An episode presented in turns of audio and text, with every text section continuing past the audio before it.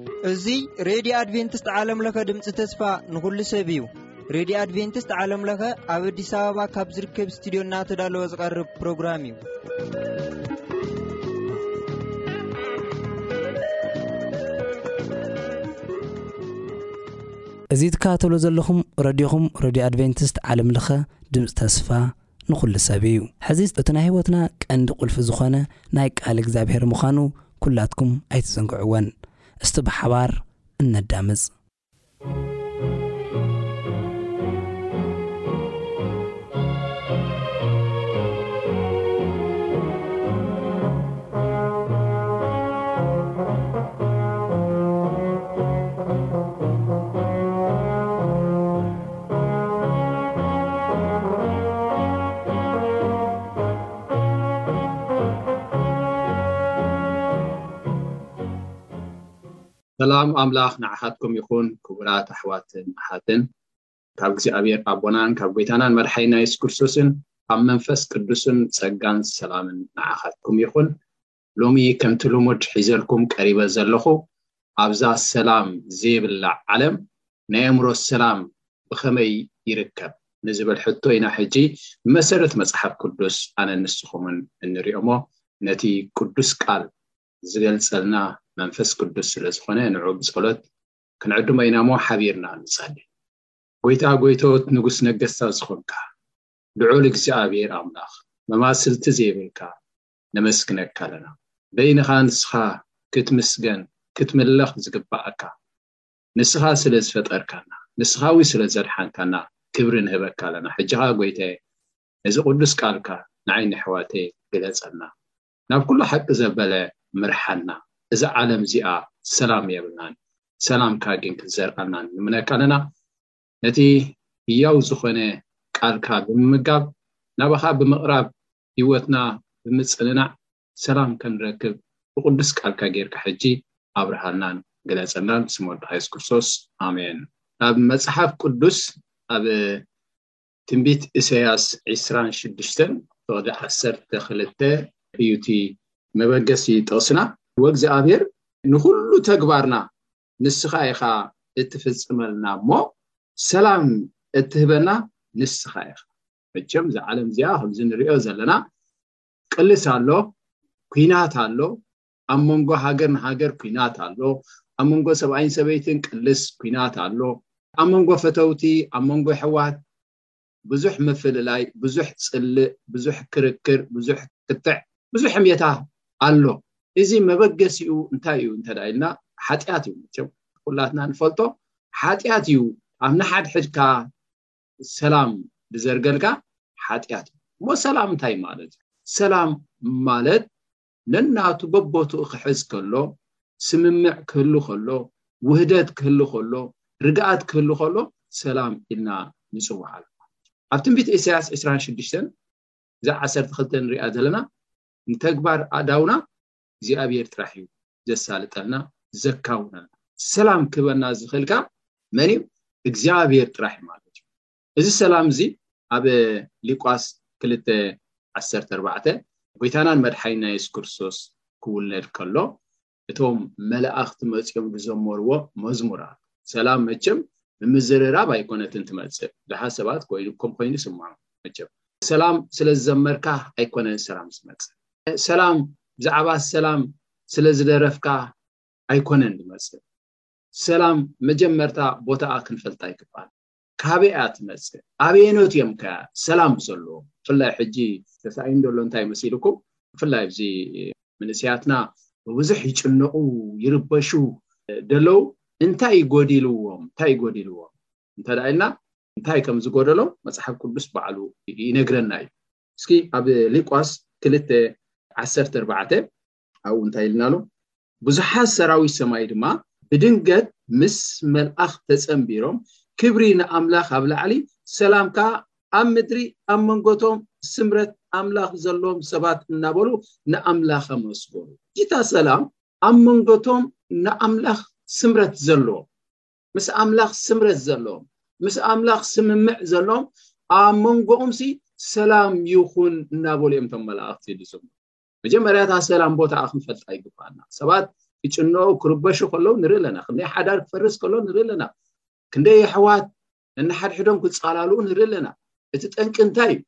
እቲ ጠንቂ እንታይ እዩ እቲ ምክንያት እንታይ እዩ እንተደይ ፈሊጥናዮ ኣነ ንስኹም ሰላም ዘይብልና ኮይና ክንነብር ንኽእል ኢና ማለት እዩ ዓለም ብባህርያ ንዓይ ንዓኻትኩም ሰላም ትበና ነገር የብላ ዓለም ሰላም ዝበሃል የብላን ሰላም ካብ እግዚኣብሔር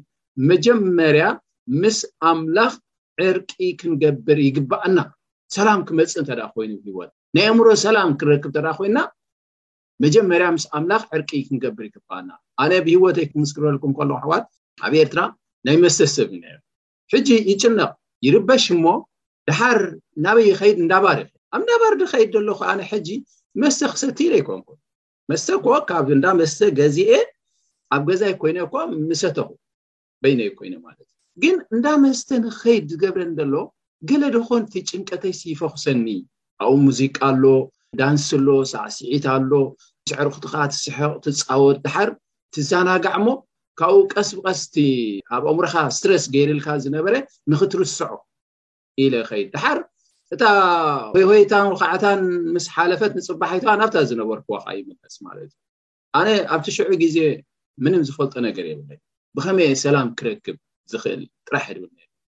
መንገዲ ከዓ ዝሕብረኒ ኣይረኸቡ እግዚኣብሔር መስገን ምስ ግዜ ግን እቲ ሰላም ናይ እምሮ ሰላም ኣበይ ከም ዝርከብ ግን ረኺበ እዮም ሕጂ እንታይ ድብለና ጎይታናን መድሓይና የሱስ ክርስቶስ ኣቱም ፅዕሩ ፀሩ ዝኸበደኩም ናባይ ንዑ እዚ ጾር ጻዕሪ ሰላም ዝህበካ ኣይኮነን ማለት እዩ ጭንቀት እዩ ዘምጻልካ እዚ ኣብቶም ስምረት ኣምላኽ ዘለዎም ሰባት ኣብ መንጎቶም ስምረት ኣምላኽ ዘለዎም ሰባት ኣብኡሲ ሰላም ሰላም ንክኸውን እዩ መፅሓፍ ቅዱስ ዝገልፀልና ማለት እዩ ጎይታና መድሓይና የሱስ ክርስቶስ ሰላምና እዩ ንዓይ ንዓኻትኩምን ሰላምና እዩ እቲ ዝበለፀ ሰላም እንታይ ናይ ኣእምሮ ሰላም እዩ ኣብ ፊልጲ ገሊፅዎ ደሎ ናይ ኣእምሮ ሰላም እዩ ደጋዊ ሰላም ክንረክብ ንኽእል ኢና ኣሕዋ ኣነ ከም ድላየ ክኣቱ ክወፅእ ናፅነት ክህልወኒ ይኽእል እዩ ግን ከምኡ ስለ ዘለኒ ኣነ ሰላም ኣለኒ ማለት እዩ ውሽጣዊ ሰላም ኣለኒ ማለት እዩ እቲ ዝበለፀ ናይ ኣእምሮ ሰላም ኢልዎ ኣሎ መፅሓፍ እቲ ዝበለፀ ዝበለፀ ናይ ኣእምሮ ሰላም ብጎይታና የሱስ ክርስቶስ ይሃሉ ኤፌሶን ክልተ ዓሰርተ ኣርባዕተ ክንከይድ ከለና ኣብኡ ነቶም ክልተ ሲ ኣብ መንጎኦም ፍልልይ ዝነበረ ቀፅሪ ዝነበረ ኣፍሪሱ ንክልቲኦም ሓደ ገይሩ ሰላም ዝገበረ ጎይታናን መድሓኒና የሱስ ክርስቶስ ምዃኑ ይገልፅ ንሱ ከዓ ኣብ መንጎ ኣይሁድን ኣብ መንጎ ሰማርያን ኣብ መንጎ ኣይሁድን ኣብ መንጎቶም ካልኦት ዓሌት ህዝብን እንታይ ነይሩ ፅልኢ ነይሩ ምፍልላይ ነይሩ ዘይምስምማዕ ነይሩ ዘይምዋሃድ ነይሩ ማለት እዩ እስኪ ክነንብቦ ክልተ ዓሰርተ ኣርባዕተ ንሱ ነዞም ክልተስ ሓደ ዝገበረ ነቲ ኣብ መንጎ ዝነበረ ከልካሊ ቀፅሪ እውን ዘፍረሰ ሰላምና እዩ እሞ ትብለና ማለት ነቶም ክልተ ዝነበሩ ቀፅሪ ዘፍረሰ ነዞም ክልተ ሲ ሓደ ዝገበረ ማለት ሓደ ዝገበረ ክብለና ከሎ ዘሰማምዐ ማለት እዩ ዘወሃሃደ ሕጂ ተባላሽዩ ነይሩ እቲ ናይ እስራኤል ባህሊ ካብ መፅሓፍ ቅዱስ ንላዕሊ ኩላትና ከም ንፈልጦ ነቲ ባህሊ እዮም ዝያዳ ትኩረት ዝገብሩሉ ነይሮም ማለት እዩ ነቲ ወግዒ እንዳባ ኣይትሓዝ ኣይተንክፍ እዚ ኣይሁዳዊ ይኮነን እዚ ካብ ካልእ ዓሌት እዩ እዚ ሳምራዊ እንዳበሉ ናቶም ሕጊ ብምእታው ነቲ እምነት ኣባላሸም ክርስቶስ መፂኡ ግን እንታይ ገይሩ ነዚ ክልተ ዝነበረ ዕርቂ ሰላም ገይሩ ማለት እዩ ንክልተ ህዝብታት ዝነበረ እስራኤልን ኣህዛብን ወይ እስራኤልን ሰማርያን ንክልቲኦም ብሓደ ናብ ኣምላኽ እንታይ ገይዎም ዕርቂ ብምግባር ሰላም ገይሩሎም እቲ ቀዳማይ ነገር እቲ ቀዳማይ ነገር ኣብ ንሓድሕድና ሰላም ኩሉ እንተ ደኣ ኮይኑ ክንጸናናዕ እንተ ደኣ ኮይና መጀመርያ እቲ ምስ ኣምላኽ ዘሎና ርክብ እንተ ደኣ ጥዑ ህይወትና ሰላም ዝኸውን ንሱ ስለ ዝሰርሓና ንሱ ስለ ዝገበረና ንተግባር ኣዳውና ክባርኽ ዝኽእል ሰላም ክህበና ዝኽእል ብሰላም ክንኣቱ ብሰላም ክንወፅእ ክገብረና ዝኽእል መን እንተ ዳ ኢልኩም ክርስቶስ እዩ ሎሚ ዓለም ምስጢር እዚ ምስጢር እዚ ኣይፈለጠቶን ኣላ ክገርመኩም ብዙሓት ነገስታት ነዚ ነገር እዚ ኣይፈለጥዎን ኣይፈለጥዎን ምንጪ ሰላም ኣበይ ምዃኑ ኣይፈለጥዎን መፅሓፍ ቅዱስ ግን ብንፁር ብንፁር ኢና ኣይ ንዓኻትኩም ዝገለፀና ንሱ ሰላምና እዩ ሽም ናይ እግዚኣብሄር እንታይ እንተ ኢልኩም ሰላም እዩ እግዚኣብሔር ፍቅሪ ይብሎ እግዚኣብሔር ከዓ ሰላም ከዓ ይብሎ መፅሓፍ ቅዱስ ሕጂ እዚ ኣብ መንጎ ክልቲኦም ዝነበረ ቀፅሪ ኣብ ግብሪ ሃዋርያት ዓሰርተ ዕስራን ሸሞንተን ክንከይድ ከለና ጴጥሮስ እንታይ ነይርዎ ጉጉይ ዝኾነ ኣተሓሳስባ ነይርዎ እሱ ከዓ ንስኻትኩም ትፈልጡ ኢኹም ኢልዎ ናብ ናብቲ ሓለቓ ሚእቲ ኢታልያዊ ምስ ከደ ንስኻትኩምሲ ትፈልጡ ኢኹም ኣይሁዳዊ ምስ ካልእ ህዝቢ ከም ዘይተሓዋወስ፣ ናብ ቤቱ ኸም ዘይኣቱ ንስኻትኩም ትፈልጡ ኢኹም። እዚ መጽሓፍ ቅዱስ ከምኡ ይብለና ድዩ ይምህረና ድዩ? ኣይኮነን። ካብቲ ወግዒ እንዳ እንዳባ ዝበሃል ወግዒ ናይ ኣይሁድ ካብኡ እዩ ዝጠቕሶ ዘሎ እዚ ሓሳብ እዚ ደኣ እምበር ምስ መጽሓፍ ቅዱስ ዝወሃሃድ ኣይኮነን። ኣብ ግብረ ሃዋርያት ዓሰርተ ዕስራን ሸሞንተን ኣንብበልኩሞ ናይህዳዊ ሰብኣይ ምስ ናይ ካልእ ህዝቢ ሰብ ክሕወስ ወይስ ናብ ቤቱ ክኣቱ ከምዘይግቦ ንስኻትኩም ትፈልጡ ኢኹም ንዓይ ግና ንሓደ ስብኳ ከይፍንፍን ወይስ ርኹስ እዩ ከይብል ኣምላኽ ኣርእዩኒ እዚ እቲ ዕላማ ንእግዚኣብሔር እግዚኣብሔር ካብ ላዕሊ ካብ ሰማይ ንዓይ ንዓኻትኩምን ክርእየና ከሎ ፈላሊ ይኮነ ዝርእየና ፈላሊ ኣይኮነን እዚ ከምዚ ዓሌቱ እዚ ከምዚ ዓሌቱ እዚ ከምዚ እዩ ከምኡ ክንብል ዕላማ እግዚኣብሄር መደብ እግዚኣብሄር ኣይነበረን ኣብ ብሉይ ኪዳን ይኹን ዋላ ኣብ ሓድሽ ኪዳን ኣብ ብሉይ ኪዳን ንስኹም እስራኤላውያን ኢኹም ምስ ኣህዛብ ኣብ ገዞም ኣይትእተዉ መግቦም ኣይትብልዑ ዝብል ሕጊ የለን የለን ከምኡ ኢሉ እግዚኣብሄር ሕጊ ኣይሓደገ ሰብ እግዚኣብሄር ይፈጢሩ ብመልክዕ ኣምላኽ እዩ ተፈጢሩ ንዝኾነ ሰብ ክንሪኦ ከለና ብናይ መነፀር ናይ ክርስቶስ እንተ ርኢናዮ ንሓደ ሰብ እኳ ክንፈንፈን ኣይንኽእል ኢና ንሓደ ሰብ እኳ ከምዚ ዓልየቱ ኢልና ክንፅይፎ ከምዘይግባኣና ዩ መፅሓፍ ቅዱስ ስለዚ ጴጥሮስ ጉጉይ ዝኾነ ኣተሓሳስባ ዋ ሃዋርያ እዩ ግን ጉድለት ነይርዎ ማለት እዩ ግጉይ ዝኾነ ኣተሓሳስባ ናይ ኣይሁድ ኣብ ውሽጡ ሰሪጹ ነይሩ። እግዚኣብሔር ኣምላኽ ግን ነዚ ግጉይ ዝኾነ ኣተሓሳስባ ከፍርሶ ስለ ዝደለየ ልኡኻት ልኢኹሉ። ልኡኻት ተላኢኹሉ መጺኡ እግዚኣብሔር ገሊጽሉ ብራእይ ገይሩ ብራእይ ገይሩ ምስ ገለጸሉ ከኣ ናብ ቀርኔሌዎስ ከይዱ ኣብኡ ከኣ ምሂርዎም ናብ እምነት ከኣ መጽዮም። ስለዚ እቲ ኣብ ኤፌሶን ክልተ ዓሰርተ ኣርባዕተ ዝረኣናዮ ነዞም ክልተሲ ሓደ ዝገበረ እግዚኣብሔር ይመስገን ነዞም ክልተ ተፈላለዮም ዝነበሩ ክልተ ጉጅለ ዘይሰማምዑ ዝነበሩ ናብ ሓደ ስምምዕ ዘምፀ ክርስቶስ እዩ። ብሪኦ ከዓ ሃዋርያት ከዓ ንሰማርያ ይኹኑ ንእታልያውያን ይኹኑ ንኻልኦት ይኹኑ እናመስከሩ እናሰበኹ ናብ ሓደ ማሕበር ከምፅዎም ከሎ ብግብሪ ንርኢ ማለት እሞ ጴጥሮስ ሰቢኹ ነዞም ካልእ ዓሌት ዝነበሩ ኣጠሚቑ ናብቲ እምነት ኣምፅዎ ሎሚ ካብዚ ኣነ ንስኹም እንታይ ኢና ንምሃር ኣብ ዓሌታውነት ኣይንመርኮስ ኣብ ከምዚ ወዲ ከምዚ እንዳበልና ኣነ ንስኹምን ናይ ክርስቶስ ካብ ኮና ሰላም ኣለና ማለት ሰላም ምስ መን ምስ ካልኦት ሰባት ሰላም ምስ መን ምስ ኣምላኽ ኣሎና ማለት እዩ ኣብ ሮሜ ሓሙሽተ ሓደ መጀመርያ ሰብ ሰላም ርግኣት ክረክብ እንተ ኮይኑ ንክርስቶስ ክኣምን ኣሎ እሳ እታ ፍታሕ ካልእ ምንም ምንም ፍታሕ ዝበሃል የብሉን ማለት እዩ ሓደ መዓልቲ ከም ምስክር ክነግረኩም ኣብ መዓስከር ክልተ ሰብኣይን ሰበይትን ተባኢሶም ኣይተሰማምዑን ዝኾነ ይመፀኒ ከምዚ ኮይና ምስ በዓልቲ ቤተይ ኣይተቓደኹን ኣይተሰማማዕኹን እሞ ሕጂሲ ክትዓርቀና ይብለኒ ማለት እዩ እግዚኣብሔር እዩ ኣዛሪብኒ ሸ እስኻ ምስ ሰበይትኻ ዘይኮንካሲ ምስ ኣምላኽ እዩ ዕርቂ ዘድልየካ ምስ ኣምላኽ እዩ ሰላም ዘድልየ ምስ ሰበይትኻ ዘይኮነስ ምስ ኣምላኽ እዩ ሰላም ዘድልየካ ሽዑ እዩ ብድሕሪኡ እቲ ናይ ሓዳርካ ሰላም ዝኸውን ምስ በልክዎ ንሱ እውን ነግ ፈረግ ኣይበለን ሓራይ ኢልኒ ክመሃር ፍቓደኛ ዲኻ ኢለዮ ተማሂሩ ብዘይ ሽማግለ ሰብኣይን ሰበይትን ተዓሪቑ ብዘይ ሽማግለ ክንደይ ቤት ይፈርስ ኣሎ ክንደይ ሓዳር ይፈርስ ኣሎ ክንደይ የሕዋት ይበኣሱ ኣለዉ እንታይ እቲ ጠንቂ ናብ ኣምላኽ ሰኣን ምቕራቦም እዩ በቃ ሰብ ዕርቐኒ ኢልካ ናብ ካውንስሊንግ ኪድ ኣይትብሎን እዮም ሽማግለ ፀዋዕ ኣይኮንካን ትብሎ ኣነን ክርስትያ ኣነን ንስኹም ክርስትያናት ሰብ ናብ ኣምላኽ እንተዳ ቀሪቡ ሰላም እዩ ዝዝርኣ ሰላም እዩ ዝዝርኣ ኣሎ ኣብ ኤፌሶን ሓሙሽተ ሓደ መጀመርያ ብእምነት ምስ ፀደቕና ሰላም እዩ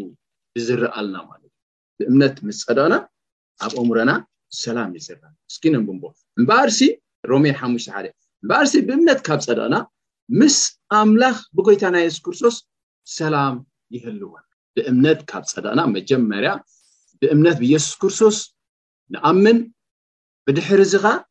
ምስ ኣምላኽ ብጎይታና ንየሱስ ክርስቶስ ሰላም ይህልወና። ሰላም እንተደኣ ኣብ እምሮና ሃልዩ ኩሉ ነገራት እንዳተመሓየሸ ይኸይድ። ኣብ ትንቢት ኢሳያስ ኣርባዓን ሸሞንተን ፍቕዲ ዕስራን ክልተን ነቶም ረሲኣንሲ ሰላም ይኹን ሓደ ሰብ ሃገሩ ሰላም ስለ ዝኾነ ሰላም ኣለዎ ማለት ድዩ ከምኡ ዲና ንርዶ ኣነ ኣውሮጳ ስለ ዝኸድኩ ሰላም ኣለኒ ማለት ድዩ ኣሜሪካ ካናዳ ስለ ዝኸድኩ ሰላም ኣለኒ ማለት ድዩ ኣይኮነን ኣይኮነን ኣይኮነን ኣሕዋት ክንደይ ኣሜሪካ ካናዳ ኣትዮም ዝጭነቑ ሂወቶም ደጥፉ ኣለዉ ሂወት ኣይኮነን ክንደይ ኣሜሪካ ካናዳ ኣትዮም ሓዳሮም ዝብተን ኣለዉ ክንደይ ኣሜሪካ ካናዳ ኣትዮም ክልተ ኣሕዋት ዝበኣሱ ኣለዉ ክርክር ኣሎ ኣብ ኣእምሮ እዩ ዓውዲ ኩናት ኣብ ኣየር ኣይኮነን ኣብ ኣእምሮ እቲ ዓውዲ ኩናት ማለት ኣእምሮ ክርስቶስ ተዘይተቆፃፂርዎ ምስ ኣምላኽ ኣይትሰማማዕ፣ ምስ ሰብ ኣይትሰማማዕ፣ ምስ ኣሕዋትካ ኣይትሰማማዕ፣ ምስ ሰበይትኻ ኣይትሰማማዕ። እዚ ምንጪ ግን ካበይ ክርከብ ኣሎ? ካብ ክርስቶስ። ነቶም ረሲኣንሲ ሰላም የብሎ። ኣብ መሳፍንቲ ሽዱሽተ ዕስራን ክልተን ክንከይድ ከለና ናይ ጊደዎን ዛንታ ኣሎ። ጊደዎን ሰላም ኣይነበሮ መጀመርያ። ጊደዎን ብሜድያናውያን ብጣዕሚ ብጣዕሚ ዝርበሽ ዝነበረ ሰብ ብሓቢኡ ስርናይ ይዘብጥ ሚድያናውያን ንእስራኤላውያን ኣዝዮም የሸግርዎም ስለ ዝነበሩ ውሽጡ ብፍርሂ ተዋሒጡ መልኣኽ መጺኡ ምስ ተዛረቦ ብድሕሪኡ መስዋእቲ ምስ ገበረ ደሓር እቲ መልኣኽ እንታይ ኢልዎ መሲልኩም? ሰላም ሰላም ንዓኻ ይኹን ሰላም ስለ ዘይነበሮ ሰላም እንተዝህልዎ ነይሩ ከምኡ ኣይምበሎን ኣብ መሳፍንቲ ሽዱሽተ ኣብ ፍቕዲ ዓሰርተ ሓደ መልኣክ እግዚኣብሔር ድማ መፅኡ ኣብ ትሕቲ እታ ናይ ዮኣስ ኣብዔዘራዊ ኣብ ዖፍራ ዘላ ድዋ ተቐመጠ ወዲ ግደወን ካብ ሚድያናውያን ክሓብእ ስርናይ ካብ መፅሞቕ ወይኒ ይዘብጥ ነበረ ንዑ ድማ መልኣክ እግዚኣብሔር ተራእዮ ኣታ ሓያል ጅግና እግዚኣብሔር ምሳኻይ ከዓ በሎ ግደውያን ድማ ኣየ ጎይታይ እግዚኣብሔር ምሳና እንተዳ ሃልዩ እዚ ኩሉ ስለምንታይ ረኸበና? እቲ ኣቦታትና እግዚኣብሔር ካብ ግብጺ ኣደይቡና ዶ ኣይኮነን ኢሉ ዝነገሩና ኩሉ ተኣምራት ከ ኣበይ ኣሎ? ተስፋ ቆሪጹ በቃ እግዚኣብሔር ሓዲግና እዩ እግዚኣብሔር ገዲፍና እዩ ዝብል ኣተሓሳስባ ኣብ ኣእምሮ ስለ ዝነበሮ ፍርሂ ተዋሒጡ እዩ ካብ ኣምላኽ ርሒቕና ኢና ድብል ኣተሓሳስባ ነይርዎ። ካብ ሚድዮናውያን ከዓ ይፈርህ ነይሩ ስለዚ መወዳእታ ግን ኣነ ምሳካ እየ ኢሉ ምስ ተዛረቦ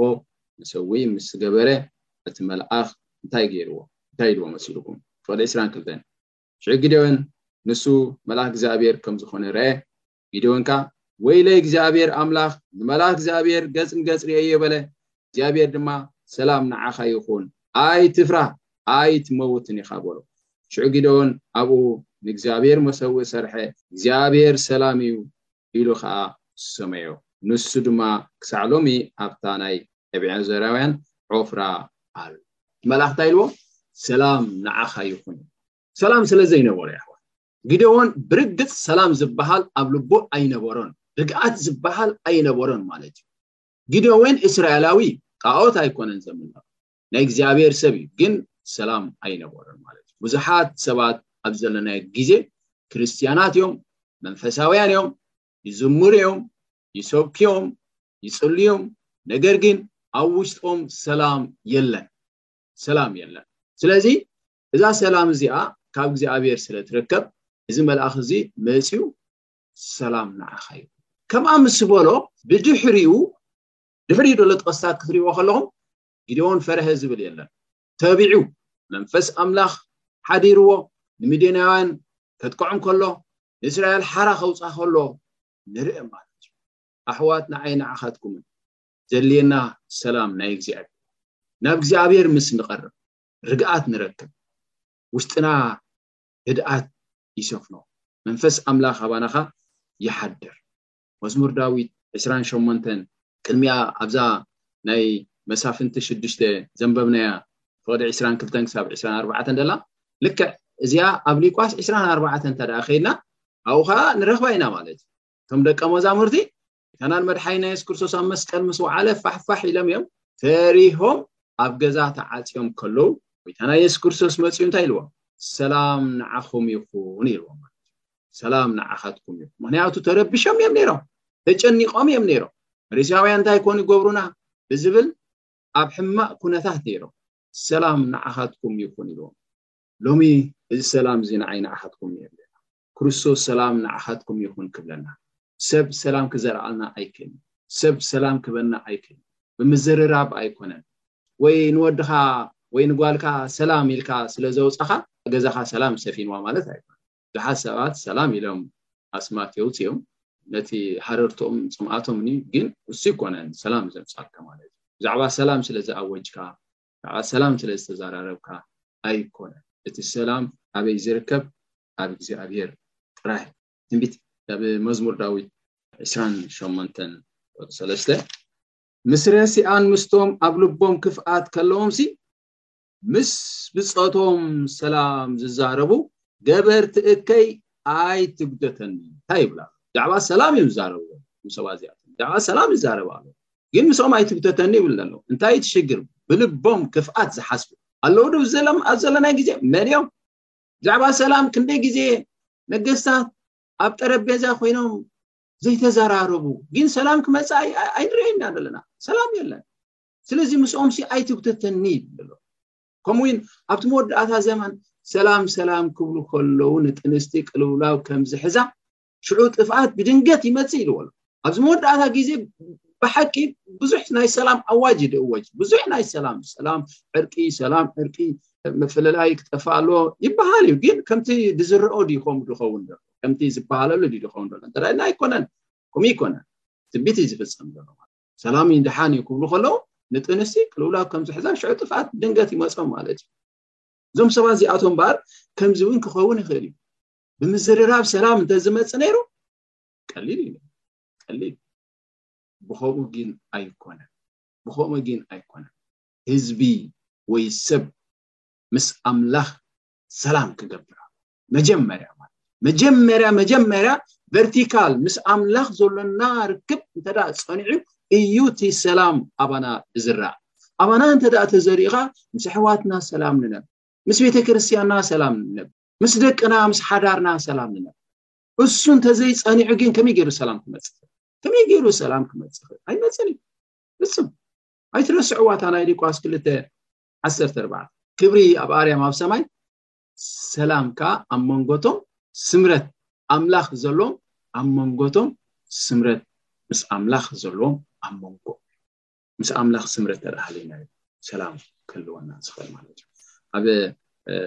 ትንቢት ኢሳያስ ሰላሳን ክልተ እውን ሓደ ተመሳሳሊ ቃል ኣሎ ኢሳያስ ሰላሳን ክልተን ፍቕዲ ዓሰርተ ሸሞንተ ህዝበይ ኣብ ማሕደር ሰላምን ኣብ ኣባይቲ ደሓንን ኣብ ህዱእ ቦታታትን ዕረፍትን ክነብር እዩ ህዝበይ ኣብ ማሕደር ሰላምን ኣብ ኣባይትን ደሓንን ኣብ ህዱእ ቦታታትን ዕረፍትን ክነብር እዩ እቲ ህዝቢ ኣምላኽ ዝበሃል ኣብዛ ሰላም ዘይብላ ዓለም ሰላም ክረክብ ኣብዛ ሰላም ዘይብላ ዓለም ህድኣት ክረክብ ዕረፍቲ ክረክብ ከሎ እፈይታ ክረክብ ከሎ እዚ እቲ ህዝቢ ኣምላኽ ምክንያቱ ህዝቢ ኣምላኽ ማለት ምስ ኣምላኽ ፅኑዕ ዘለዎ ርክብ እዩ ምስ ኣምላኽ ፅኑዕ ዘለዎ ርክብ ተዳ ኮይኑ ልክዕ ከምዚ ፈልፋሊ ዒላማይ ካብ እግዚኣብሔር ካብ ሰማይ እንታይ ይመፀና ሰላም ይመፀና ፍቅሪ ይመፀና ለውሃት ይመፀና ዕርቂ ይመፀና ዕርፍቲ ልዕሊ ኩሉ ዕርፍቲ ንረክብ መወዳእታ ጥቕሰይ ኣብ ሓምሳን ትሽዓተን ትንቢት ኢሳያስ ሓምሳን ትሽዓተን ፍቕዲ ሸሞንተ ሓምሳን ትሽዓተን ፍቕዲ ሸሞንተ ከምዚ ይብል ንመንገዲ ሰላም ኣይፈልጥዋን ኣብ ኣካይዶም ቅንዕና የልቦን ንመንገድታቶም ይጠዋዊዋ እቲ ቡኣ ዝኸይድ ዘበለን ሰላም ከቶ ኣይፈልጣን ንመንገዲ ሰላም ኣይፈልጥዋን ትብል ሕቶ እስኪ ንርኣይ ንመንገዲ ሰላም ሲ ኣይፈልጥዋን ሰላም ብኣሰር ኣሰር ትርከብ ኣይ ሰላም ብምርምር ትርከብ ኣይኮነ ብፍላስፋታት ወይ ምሁራት ፀዊዕኻ ወይ ሊቃውንቲ ፀዊዕኻ ኣይኮነትን ትርከብ ማለት እዩ መንገዲ ሰላም ኣይፈልጥዋን ኣብ ኣካይዶም ቅንዕና የልቦን ስለምንታይ ዘይፈለጥዋ ኣብቲ ኣካይዶም ቅንዕና እንተዝህሉ ነይሩ ኣሰላም ከዓ ምፈለጥዋ ንመንገድታቶም ዩ ብኡ ዝኸይድ ዘበለ ሰላም ከቶ ብክፍኣት ብተንኮል ብሓጢኣት ዝኸይድ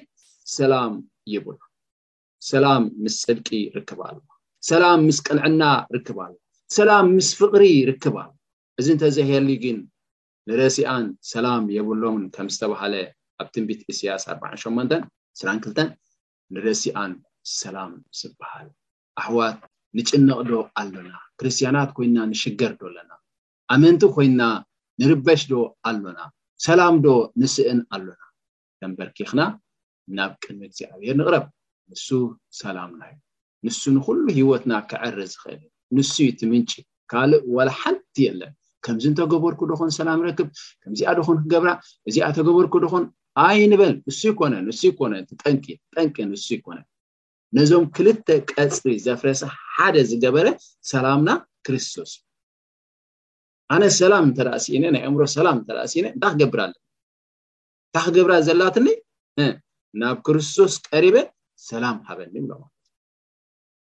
ርግኣት ሃበኒ ዕርቂ ሃበኒ ስምምዕ ሃበኒ ምስ ሰባት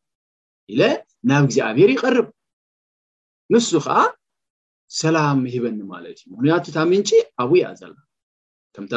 ኣብ ትንቢት እሰያስ 2612 ተግባር ኣዳውና ኩሉ ተሳልጠልና ንስኻ ኢኻ ሰላም ትህበናኻ ንስኻ ኢኻ ስለዚ ሰላም ምንጫ ካብ እግዚኣብሔር እያ